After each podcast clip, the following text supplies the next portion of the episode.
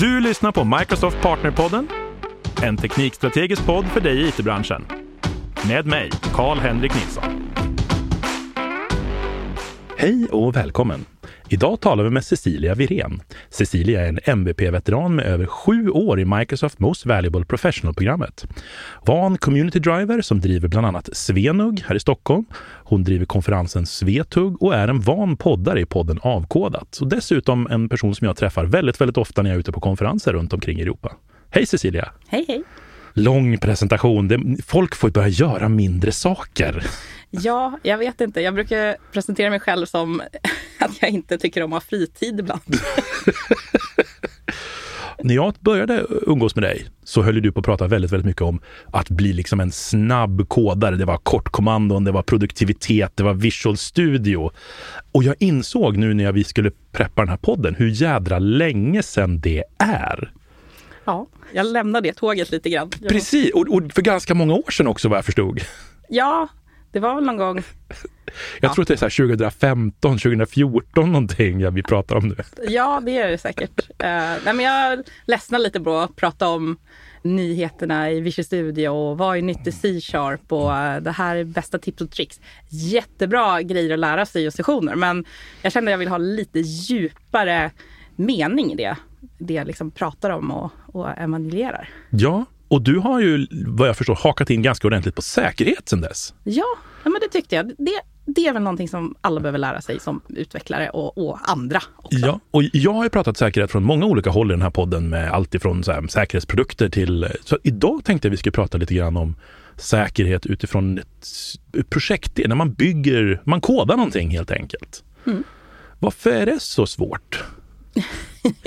ja, det är ju väldigt många olika aspekter. Jag har ju själv kodat professionellt i nästan 20 år nu och eh, jag kan väl erkänna att jag, lika många andra, inte har brytt mig speciellt mycket om säkerhet mina första delen av min karriär. Jag tror inte det ingick i min utbildning heller eh, överhuvudtaget. Hoppas det gör det mer idag. Så det handlar liksom om mycket om att det inte, det finns inte en tradition av tänka på säkerhet, att jobba med säkerhet och så vidare. Utan det har varit Traditionellt sett så har det kanske varit någonting lite så här, dels har det inte varit så mycket problem längre tillbaka i tiden. Och sen har det kanske varit något så här, äh, vi gör lite på slutet eller det har väl någon annan tänkt på. Eller de, bara vi använder de här produkterna så är vi väl säkra. Bara vi har VPN och en brandvägg så är det cool. Ja, precis. Så att, eh, och det har ju utvecklats väldigt mycket hotlandskapet senaste åren. Liksom som gör att det finns så mycket mer olika sätt att angripas. Och ja. man behöver liksom, ja, alla behöver vara med på tåget eh, för att liksom förhindra alla de grejerna. Liksom. Precis. Om vi, om vi tänker oss att vi, eh, om vi ska försöka liksom göra en liten timeline för hur man ska jobba med säkerhet. Vi tänker att vi, eh, vi jobbar på ett greenfield-projekt som man så fint säger. Ett helt nytt och fräscht projekt. Vi ska göra vår första commit in i Git. Är det här vi börjar eller kan vi fortfarande bara skriva kod och inte tänka på det? Eller vad, ska vi tänka på det redan nu? Ja, vi ska ju helst tänka på det hela tiden. som, som sagt. Det finns ju massa olika verktyg man kan använda sig av. Man kan ju tänka sig att man har gjort lite jobb innan man ens börjar koda. Vad är det här för applikation? Var ska den komma åt? Vilka ska komma åt den? Ska den vara extern, intern? Den yttre liksom muren. Vad, vad, har vi, liksom, vad har vi för hotbild där? Där kan man ju liksom redan där börja. Och hur hanterar vi inloggning som är en vanlig sak inom säkerheten. Liksom, hur gör vi den säker? Behöver vi verkligen ha ett eget lösenord och använda det? Eller kan vi haka in oss på en, någon provider som redan finns? Är det en publik så kan vi ha ja, Google och Facebook och alla de här färdiga liksom, som hanterar det väldigt bra och så vidare. Så det finns ju liksom mycket liksom funderingar redan man är, innan man ens börjar sätta sig ner och koda tycker jag. Det låter som att du är inne lite grann på att om man inte har en väldigt, väldigt bra anledning bygger man inte sin egen loginhanterare. Nej, det är ju alltså alla grejer som är potentiella säkerhetshål, om man kan ta bort dem så är det bra. Mm. Det är väl liksom en ganska bra, här, behöver vi det här? Behöver man ens inloggning på den här sajten överhuvudtaget? Liksom? Eller är det bara så nice to have för att då kan man managera sin e-mailadress eh, i nyhetsbrevet. Men det kanske vi inte behöver hantera på det sättet. Det kanske finns andra sätt. Så att, så att utmana alla de här liksom, sakerna där användaren själv kan lägga in innehåll i din applikation egentligen. För det kan ju vara potentiellt farligt. Ja, just det. Men jag tycker det var intressant det du sa, att vi ska planera innan vi kommer in, innan vi börjar koda egentligen så ska vi tänka på liksom våra attackvektorer eller vad man nu har för fancy ord för det. um, för det tror jag är ganska intressant egentligen. Liksom. Vilka IP-adresser ska komma åt? Men det finns ju ganska mycket sådana saker som man kan behöva ha operationellt stöd för. Mm. För det vet att du, du pratade lite grann om på någon konferens jag såg tror jag, att det är väldigt lätt hänt att utvecklarna får lite för stort ansvar för vad som är säkerhet. Liksom. Mm. Jo, precis. Det har ju skett en förflyttning också kanske på det. Om man liksom längre tillbaka så eh, då liksom, ja, men vi behöver maskin. Då har man fått en fysisk maskin eller en VM och den manageras av några som har positionen av en IT-pro eller dev, ähm, infra eller vad nu, vad nu haft position och har då någon slags nätverks bakgrund förhoppningsvis och kanske då där ingår lite säkerhet. Och så har man fått det man har fått. Mm. Eh, och det är så här, ja men vi sköter patchningen av servern och da da da. Och sen så har man som utvecklare kanske haft eh, liksom just det här med inloggningen och hur hanterar vi användare och, och sånt. Och där liksom har skopet börjat. Men nu när vi liksom flyttat mer och mer till molnet så kan det i många fall bli så att det är utvecklarna som tar över stora delar av de här bitarna. Utan att egentligen ha, verkligen ha någon bakgrund i, i hur man hanterar nätverk och säkerhet. Och dessutom är det ju också det är en annan, andra saker runt säkerhet i till exempel Azure än vad det är liksom on-premise. Du har många fler sätt att hantera och bygga saker och säkra in ännu mera som du också behöver kunna. Liksom. Mm. Eh, och det är ju så illa att ibland så är det liksom Nej men vi har Azure, sätt upp det. ja. Och det kan gå så fort också. För att eh, okej, okay, den här veckan hade vi fyra app services med containers på. Och oj, nu kör vi tydligen Kubernetes och måste sätta upp ett software defined network och förstå hur det fungerar. Och vad sa du? Namespace-säkerhet? Det blir liksom väldigt fort väldigt mycket saker som man, man måste liksom ha koll på. Ja, och just om man nu tar Kubernetes som ett exempel så är det ju ganska vanligt. Och vi har hört att vi ska ha Kubernetes. Det verkar coolt, det ska vi köra. Har ni någon kompetens på mm. det? Vet ni hur ni ska konfigurera det säkert? Och så vidare. Det är ju liksom en tröskel där också att man liksom lätt bara, vi tar något nytt. Det här verkar bra. Mm. Det är säkert säkert. Och sen finns det nästan ännu mera farligheter runt att sätta upp någonting runt Kubernetes för att det är liksom alldeles för lätt att liksom göra säkerhetshål som man inte känner till. För att liksom en, en server är en dator, den har koll på, du har, du har lärt dig kanske hur portar fungerar, brandvägg. Så. Yes, mm. men eh, du har liksom andra saker att tänka på. Ja, precis. Jag gillar ju de här fördefinierade säkerhetsuppsättningar som finns för, man kan ju så här, ta en AKS template nu, där du får så ett, ett, ett, security hardened cluster liksom och såna grejer. Mm. Det är ändå rätt nice kan jag tycka. Sådär. Men, men jag håller med dig, det är ju krångligt. Mm. Men sen så håller det också emot som utvecklare då, som jag är i grunden eller fortfarande är.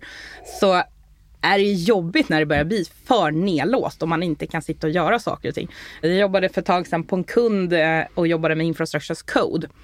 Där vi då inte kunde köra det liksom från lokalt till molnet för att liksom, ja, testa sina liksom, templates och, och sådär mm. som vi hade skrivit. Utan vi var hela tiden tvungna att köra dem genom pipeline. Vilket gjorde att utvecklingstiden blev ju ofantligt mycket högre. Och liksom, ja ah, men det där är nog rätt. Och så checkar man in den och sen har man liksom en compile time på en halvtimme innan man får veta att ah, men du hade ett stavfel eller du hade fel. Och, sen, och så är det ju många gånger att, att det är också liksom en sån där grej som utvecklare inte gillar med säkerhet. Det är att det oftast gör saker och ting mycket svårare att jobba. Men mm. vad då? får jag inte tillgång till produktionsdatabasen? Hur ska vi kunna felsöka det här felet som någon har rapporterat och så vidare? Ehm, så det är en liten barriär där. Ja, men samtidigt, det känns ju också som att det kanske vi nu, för, för du var inne på det tidigare, det har blivit en så sån annorlunda värld nu med så mycket mer säkerhetsproblem att vi kanske måste acceptera att eh, de här säkerhetshålen finns. Eller, eller förlåt, de här behoven av sämre arbetsförhållanden, om man ska kalla det för, blir av. Det blir mm. så. Ja, nej, alltså jag vill ju inte ha tillgång till produktionsdatabasen. Om någon då tar över mitt konto, min dator och så vidare så är det liksom, blir det ju typ mitt fel om de hackas in i produktionsdatabasen. Jag är ganska glad att jag inte har tillgång till den i det fallet. Så att jag inte bör känna någon risk. Är det, är sant. Och det du beskrev tidigare, det här med liksom att man, man kör in infrastructure code i en pipeline, det här GitOps-förfarandet. Jag hör ganska många inom säkerhetsbranschen prata om det här som en säkerhetshöjande åtgärd. Ja, både och skulle jag säga, för det är ju lika om man säger liksom de säkra bitarna, det är att du liksom har du har spårbarhet på dina ändringar i miljön. Du har möjlighet att ha samma uppsättning på liksom din QA-miljö och din prodmiljö så att du liksom ser att det funkar och liksom du vet att det inte går sönder. Men många gånger så kan du kan ju liksom konfigurera din setup lika dåligt där som om du gör det manuellt. Så där är det ju viktigt att ha någon typ av stöd och hjälp med liksom scanners av något slag. Liksom lika typ som att det finns scanners som scannar liksom din, din kod efter så vanliga fel du kan göra säkerhetsmässigt. Så bör du ha en scanner för din infrastructure code för att få hjälp och kolla att är den okej okay, eller har du liksom glömt bort att ja, men det där lilla sättet liksom borde liksom vara true för att stänga eller du kanske borde ha liksom stängt de här portarna eller mm. vad det nu kan vara som skulle kunna vara. Och sen är det ju förslag, för vissa gånger så här, ja men det gäller inte för oss för vi har det här runt omkring. Men då behöver man ändå ta ett beslut runt varje så varning mm. um, som kommer dyka upp. Vi måste faktiskt köra HTTP här. Kan inte köra HTTPS ja, nej, men Det kan mycket väl vara så. Det är, liksom, det, det är någon eh, statlig myndighet, alla måste kunna komma åt den oavsett eller liknande mm. um, saker. Och då, men då har man tagit det beslutet eh, aktivt. Ja, och det där tycker jag också är en ganska det är en ganska bra liksom, grej att ha med sig tror jag när man gör den här som du pratade om början, säkerhetsplanen kanske. Att just så länge man kan argumentera för det, va? men man ska kunna argumentera för det. Liksom. Mm. För antingen ska det vara ganska nedlåst eller så ska du ha en bra anledning till att grejen är upplåst antar jag. Ja, plus att man har då tagit ställning till den potentiella risken med att liksom avvika från, från den säkerhetspolicyn som då finns. Och liksom vad kan hända då? Så här, mm. Ja, men vi kör, inte, vi kör bara HTTP ja, vad är risken? Och bara, nej men vi kör inte inloggningar, vi kör inte det här, vi kör inte det här. Ja, men då är det ingen risk. Men finns det risk måste vi liksom fundera på den också. Hur stor är den? Vilken impact kan det vara? Och hur liksom hanterar vi det om det sker, om vi nu måste ha, ta den här risken? Ja, precis. Jag tänker så här, det du beskriver är ju någon typ av alla ansvarar för säkerheten. Och då måste man ju naturligtvis bygga team eh, runt det. Men jag tänker liksom också, man måste väl ändå i teamet på något sätt vara ansvarig för olika delar av säkerhetsaspekterna. Måste man börja tänka på att man ska ha en nätverksingenjör i ett utvecklarteam eller hur ska man tänka? Oj, ja, det är ju, vi har ju pratat liknande saker om, om, andra, andra saker som, liksom, ja, men som DevOps till exempel som kommer också in, liksom, det ska vara med i teamet och så behöver vi ha mer ops-kunskap. Så det är en intressant tanke. Ofta så brukar det ju vara någon typ av avdelning man har tillgång till. Det kan ju vara tredjepartleverantör och liknande, så det är ju svårt. Så det är väl lite mer att man behöver, man behöver ju inte lära sig allt, men man behöver liksom få en en liksom hum om vad saker, hur det funkar. Alltså man, man behöver kanske inte kunna konfigurera allt själv, men du behöver veta hur det funkar och, liksom, och var, vad som händer. Mm. Liksom på den nivån. Så det är, det är lite mer kunskap skulle jag säga. Jag tror inte jag skulle vilja peta in, självklart beroende på projekt och eh, storlek och så vidare, så kanske det finns plats för lite mer nätverksfolk i utvecklingsteamen också. Men jag tänker mig att de kanske får lite tråkigt och lite att göra. Eh. Jo, men fast där tänker jag så här, vi, jag har haft gäster tidigare på podden som har pratat om det här med feature team till exempel, att man hjälps åt att bygga lösningen och sen har man olika typer av expertis och mm. man kanske ambulerar in i team och det känns som det kopplar in. För det var lite ute efter det, det är en ganska gammal åsikt skulle jag säga, det är väl att testarna på något sätt skulle vara ansvariga för säkerhet. För jag kan ju känna liksom att visst, de kan väl göra lite så här rudimentära tester och skicka in lite bogus-grejer i olika textfält. Men det känns som att testrollen framförallt är ansvarig för mjukvarukvaliteten på något sätt. Mm. Ja, det är väl mera vanligt, inte testa dig själv och har värsta fördomarna, men vad jag hör i branschen så är det mer vanligt att testare skriver lite happy path och, och liksom precis det ärendena man har jobbat med och inte liksom utmanar. Och de får, har kanske inte fått den uppgiften utan så här, nu har vi gjort den här ändringen. Kan ni kolla att vi inte har förstört någonting? Och kan ni kolla att den nya ändringen är gjord?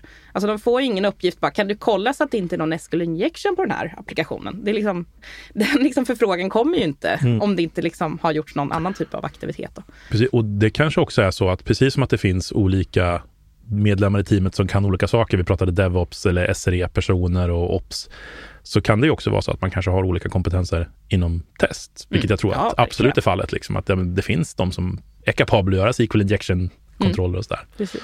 Vi pratar om det här Greenfield-projektet. Mm. Om, vi, om vi tar liksom nästa. Vi har, vi har kommit fram till att vi ska ha en plan. Yes. Det måste vi ha. Vi vet liksom ungefär vad, vad kommer vara för attackvektorer och hur kommer det se ut. Och det är fine. Och sen har vi pratat om att vi kanske måste begränsa våra utvecklare lite grann.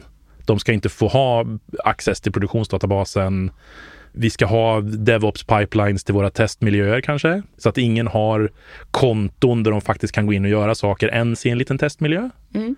Eller? Nej, men eh, jag tycker ändå man ska sära det på att det ska finnas någon typ av liksom, dev-miljö för utvecklare. Alltså en som är, liksom, ser ut som produktion men med absolut ingen liksom, riktig data i. Utan det är Kalle Anka som kund och, och liknande saker det kan vara väldigt svårt att få till en sån miljö, speciellt om man liksom har ett befintligt system. Men jag tycker definitivt att om man tar med det rent från början med Greenfield mm. så tror jag definitivt man kan bygga upp den datasättet som man behöver för att testa olika saker. Och vartefter man får in buggar eller vad som helst så fyller man på med den typen av data som mm. genererar sånt. Så den tycker jag man ska kunna få liksom hyfsat fri tillgång till. Man kanske fortfarande ska liksom låsa ner modifiering av miljön så att den är lika, gärna med infrastructures code, så man inte kan liksom in och peta så att den har liksom andra, jättemånga andra skillnader i liksom att där, där har vi en annan typ av, av resurs för att spara data medan i produktion har vi en helt annan. Mm. Alltså, så det blir väldigt olika, det blir väldigt svårt att liksom jobba då. Det blir svårt liksom, jag tycker inte det är intressant det du är inne på här, liksom, att det blir en avvägning mot effektivitet i utvecklingen kontra vad händer egentligen om någon får tillgång till en av våra dev-maskiner? Liksom? Kan de då på något sätt hitta något konto eller någonting som de kan använda för att bryta sig vidare? Mm.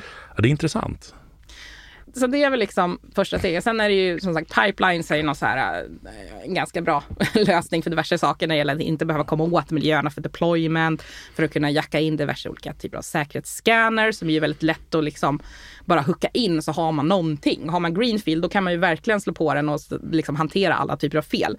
Tar man ett befintligt applikation och slänger på en, en, någon typ av säkerhetsscanning så kan det bli väldigt överväldigande att försöka få bort alla fel men också alla false eh, positives som dyker upp. Liksom. Ja, just det.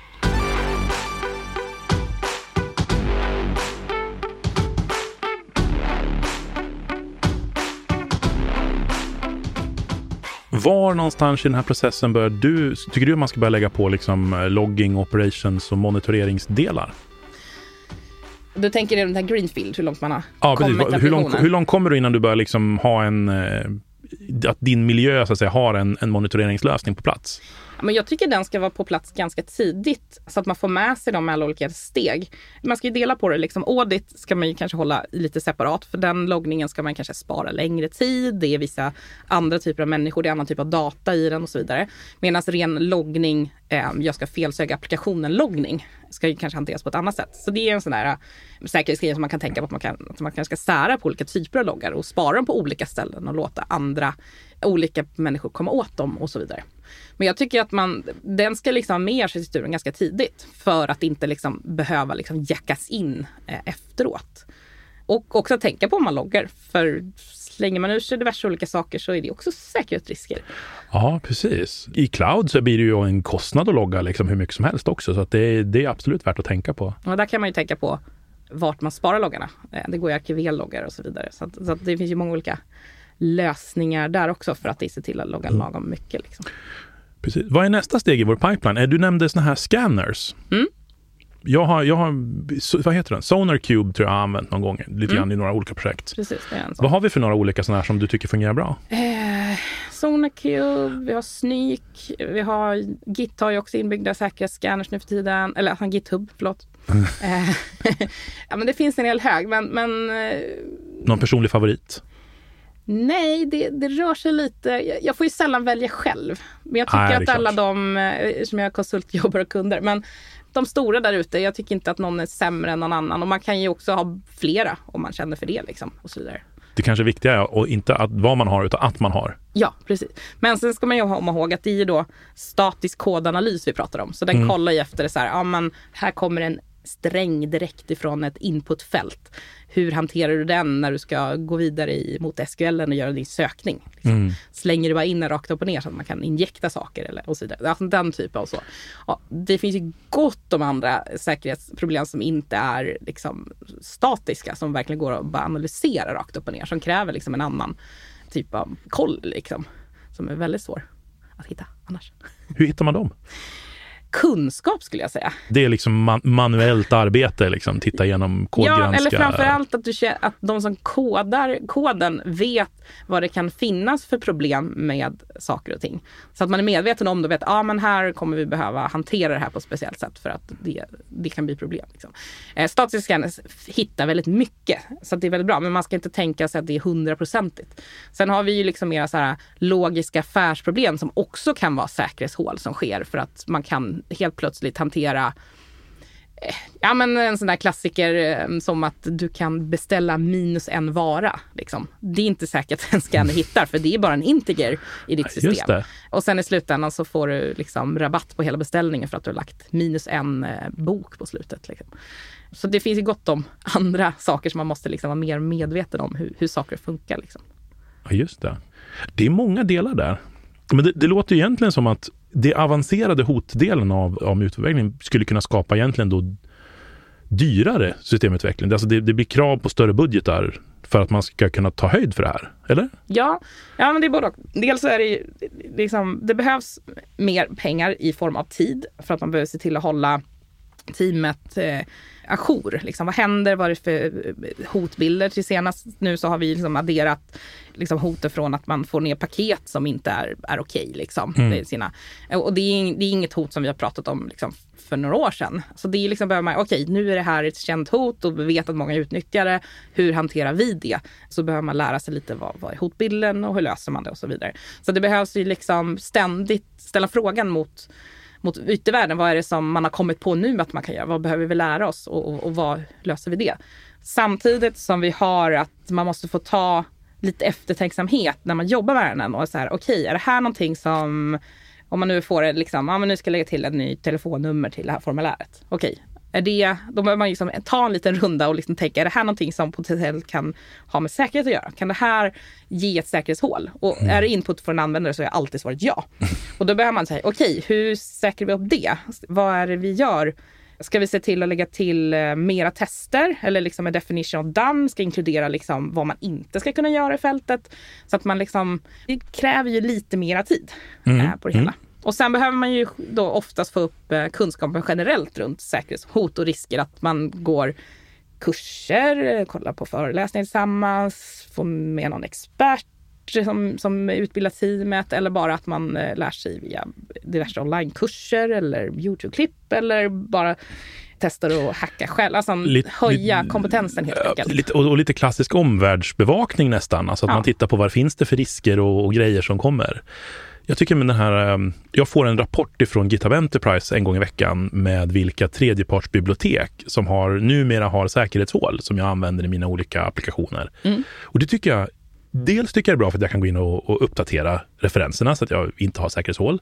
Men det, jag tycker det är väldigt bra för att det ger ju mig den där lilla, lilla liksom notifikationen att, oh, tänk på säkerhet. Sådär. Mm. En gång i veckan och det är ganska bra för att hålla det liksom i i bakhuvudet. Mm. Ja, men det är lite så. Det behöver liksom finnas där hela tiden.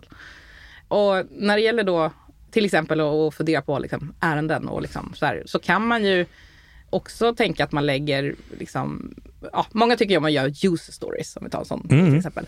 Man skulle kunna börja göra abuser stories också åt andra hållet och liksom lägga fokus på hur kan man missbruka systemet och skapa liksom, eh, issues runt det. Ja, just det. Som en eh, attackerare skulle jag vilja lägga till minus en bok i kundkorgen för att se att jag kan få en rabatt på mitt köp. Ja, till exempel. Och då behöver det ju finnas med i processen. Det behöver ju finnas då från product owner och i liksom backlog room, om man nu använder den typen av agil utvecklingslag. Men att man har, det behöver liksom vara med ända från början. Även de som liksom spesar vad som ska göras måste vara med i hotbilderna och idéer. Och de kanske har sett något, de kanske inte kodar och liksom har så mycket, utan de, de pratar mera med liksom användarna. Men de behöver också omvärldsbevaka. De bara, ah, nu har jag hört någonting om det här på nyheterna. Är det någonting som vi skulle kunna ha problem med? Och var, alltså, så att de också mm. hjälper till att suga in den här informationen och diskussionen i, i teamet. Mm. Upplever du att man inte har den dialogen idag? Eller är vi ganska mogna i vår säkerhetstänk? Har vi säkerhetsdialoger eller skulle vi behöva bli ett snäpp bättre? Jag tror vi skulle behöva bli snäpp bättre. Jag tror att vi är mer medvetna. Liksom, det var ju ingen som missade liksom, Coop stängde en vecka eller två eh, mm. issuen. Och det, liksom, ah, det var någonting med säkerhet och det var någonting med och så här. Så vi blir mer drabbade, så vi blir mer medvetna. Men jag tycker jag upplever att det är alltid liksom någon eller några security champions. Liksom. Och de kan sitta på vilken typ av position som helst i organisationen. Men det är oftast någon som har så här, Åh, ni måste se till att göra här och här. Och då på något sätt blir det också att andra backar tror jag. För det är bara, shit, jag kan ju ingenting om säkerhet jämfört med den här personen. Så jag vet inte, det gäller att fostra också, att kunna släppa fram och skapa forum för det. Eller, alltså man måste ju hitta hur det funkar i sin verksamhet för att liksom prata och diskutera och hantera säkerhetsbitarna. Liksom. Jag börjar ana ett mönster med alla människor jag pratar med i podden när det kommer till mikroutveckling. Att alla måste säga vi måste förändra organisationen. Det så, finns det inga enkla lösningar på problemen? Ja, riktigt så illa vill, vill inte jag göra, men det är så här, jag vill addera till den processen man har. Hitta liksom var man skulle kunna liksom måla upp hela sin liksom process från idébehov till deployat i produktion och används. Alltså vad händer? Vad är det för olika steg vi har? Liksom, vad mm. gör vi? Vi backroom groomar, vi jobbar med testning där, vi kodar lite, vi ja, sen, försöker mm. liksom, och sen liksom titta på varje kloss och bara okej, okay, hur kan vi jobba med säkerhets här stadier? Och sen liksom få in det på något bra och smidigt sätt. Det blir liksom som den gamla klassiska man pratar på med Kanada, definition of done. Mm. Att man har liksom ett, en liten säkerhetscheckbox på varje task man gör. Liksom mm. att, har du, är den säker? Ja. men, men jag förstår det också och då förstår jag också det du säger det här med att det krävs utbildning för man måste ju då också kunna förstå behovet av säkerhet i alla de här olika stegen. Mm i allt ifrån, ja, men som vi säger, vi pratar greenfield liksom när vi börjar, vi pratar medan vi utvecklar och som du säger testar, vi skickar tillbaka buggar för att någonting inte stämde och så vidare och ända fram till deployment och operations och pipelines och hela den grejen. Det är ju många olika typer av säkerhetsattacker tänker jag. Ja, det är liksom inte en kategori av kunskap utan det är liksom massa olika delar som man kan bli attackerad och det är liksom allt från phishing till liksom SQL injection som är en av de vanligaste, tyvärr fortfarande ett av de absolut vanligaste sätten Är SQL injections fortfarande det vanligaste? Jag, kommer, jag tror att, eller jag tror att så här, klassificering injection ligger väl fortfarande på liksom topplistan. Eh, så, och, så SQL är inte liksom det är inte bara SQL injection man kan pyssla med. Man kan jobba, pyssla med XML injection, JSON injection, man kan, ja, alla typer av, det finns mera typer av injection än SQL, men SQL är tyvärr fortfarande väldigt, typ. alltså det, jag har ju själv gjort det, alltså man är så här, man vill använda OR-mapper, vi är safe. För den liksom ser till att hantera liksom mappning emellan, så den skjuter aldrig liksom strängar rakt ner på det sättet, utan den har alltid parametrar. Men så kommer den här lilla kluriga liksom join tjosan fräsen som blir alldeles för unperformant i OR-mappen. Mm. Och då finns det ju alltid liksom att ja, men man kan skriva SQL också. Och så gör man det. Och då blir det nästan ännu sämre för att då, är så här, då har vi liksom inte tränat på att hantera input med vanlig SQL för att det gör vi inte i vår kod. Så det finns inte de mönstren i koden. Är det juniorer så har de ingen koll alls kanske på det och så vidare. Och så bara tjoff så skriver man och så bara Ja, och, rakt in ändå. Och, och vi har ju redan haft det där säkerhetsmötet och vi kom fram till att vi kör en OR-mapper så vi är safe. Ja. Så då har man liksom, åh, gud. Så att det är en sån där liksom säkerhets-awareness-utbildning. Det kan vara att titta på OWASP Top 10. Det är alltså de tio mest vanliga typer av felen. Okay. Eh, och den listan uppdateras varannat och tredje år. OWASP är ju en, en, organisation som pysslar mycket med, eller de pysslar bara med liksom säkerhet i liksom den här världen. Jättemycket bra gratis verktyg. Vi pratade om scanners och grejer tidigare. De har sådana verktyg som är liksom tillgängliga för alla. Så det, det, är en väldigt bra organisation och de har mycket listor och checklistor och allt möjligt. Men de har då, gör en topplista, går igenom vad, vad finns det där ute, vilka säkerhet finns det? Vad står OWASP för? Mm, Open Web Application Security Project. Okej, okay, vi kanske kan lägga med en länk till det ja, i, i, i podcastepisoden. Det, det liksom låter ju en, jättevettigt. Det är en non-profit organisation och, och, det är jättemånga duktiga människor som är med och frivilligt bidrar där. Eh, ah, men den samlar på något sätt, så där har vi då Injection som jag tror ligger fortfarande högst upp på listan. Och då kan man läsa om, om det där, man kan säga vad finns det för olika typer. Man skulle kunna liksom ha det som ett sätt att gå igenom och utbilda hela teamet med vad finns det för olika saker som skulle kunna ske. Och blir man mer medveten om vad som finns så kan man ju tänka på det när man kodar och eh, gör beställningarna eller när man testar. Och så. så som sagt, vi får inte glömma bort att det inte bara är utvecklare pratar om utan det är även bort till testare från liksom, eh, beställarna. Men eh, alla som lyssnar på den här podden, de vet ju vad jag tycker om det här med att man separerar utvecklare från resten av produktteamet. Det ska vara feature-team, man ska bygga produkten ihop. Ja, eh, man kan det säga det, men sen är det hur det är en annan sak. exakt, exakt. Du har så rätt. Men om vi ska försöka summera ner lite råd här för de som känner att eh, vi kanske inte har tänkt jättemycket på säkerhet. Efter man har lyssnat på den här podden, vad är topp tre grejerna man ska göra Ja men ett, inventera. Alltså vad har vi gjort hittills? Vad har vi? Det kan vara svårt att veta själv om man inte, man får kanske prata med någon om man inte vet. Men, men vi har ju pratat om lite grejer här med liksom, har vi pipelines, har vi scanners? hur är det med kompetensutvecklingen? Pratar vi, ja, hela, alltså inventera, vad har vi? Mm. För det går ju inte att ta, om man nu har noll mot vad vi har pratat om nu, så går det inte att slänga på allting imorgon. Det Nej. går inte. Utan man behöver ju precis som allting att ta en, en bit i taget. Och när man har inventerat eh, vad vi har så kan man fundera, okej, okay, vad tror vi liksom är var har vi de största säkerhetshålen här? Är det liksom den slutgiltiga produkten som behöver bli säkrare eller är det processen som behöver säkrare? Eller ja, så vidare. Och sen när man har liksom hittat kategorin så får man ju börja liksom göra någon slags plan över hur kan vi liksom få in det här? Och framförallt mm. få in det i den vanliga processen.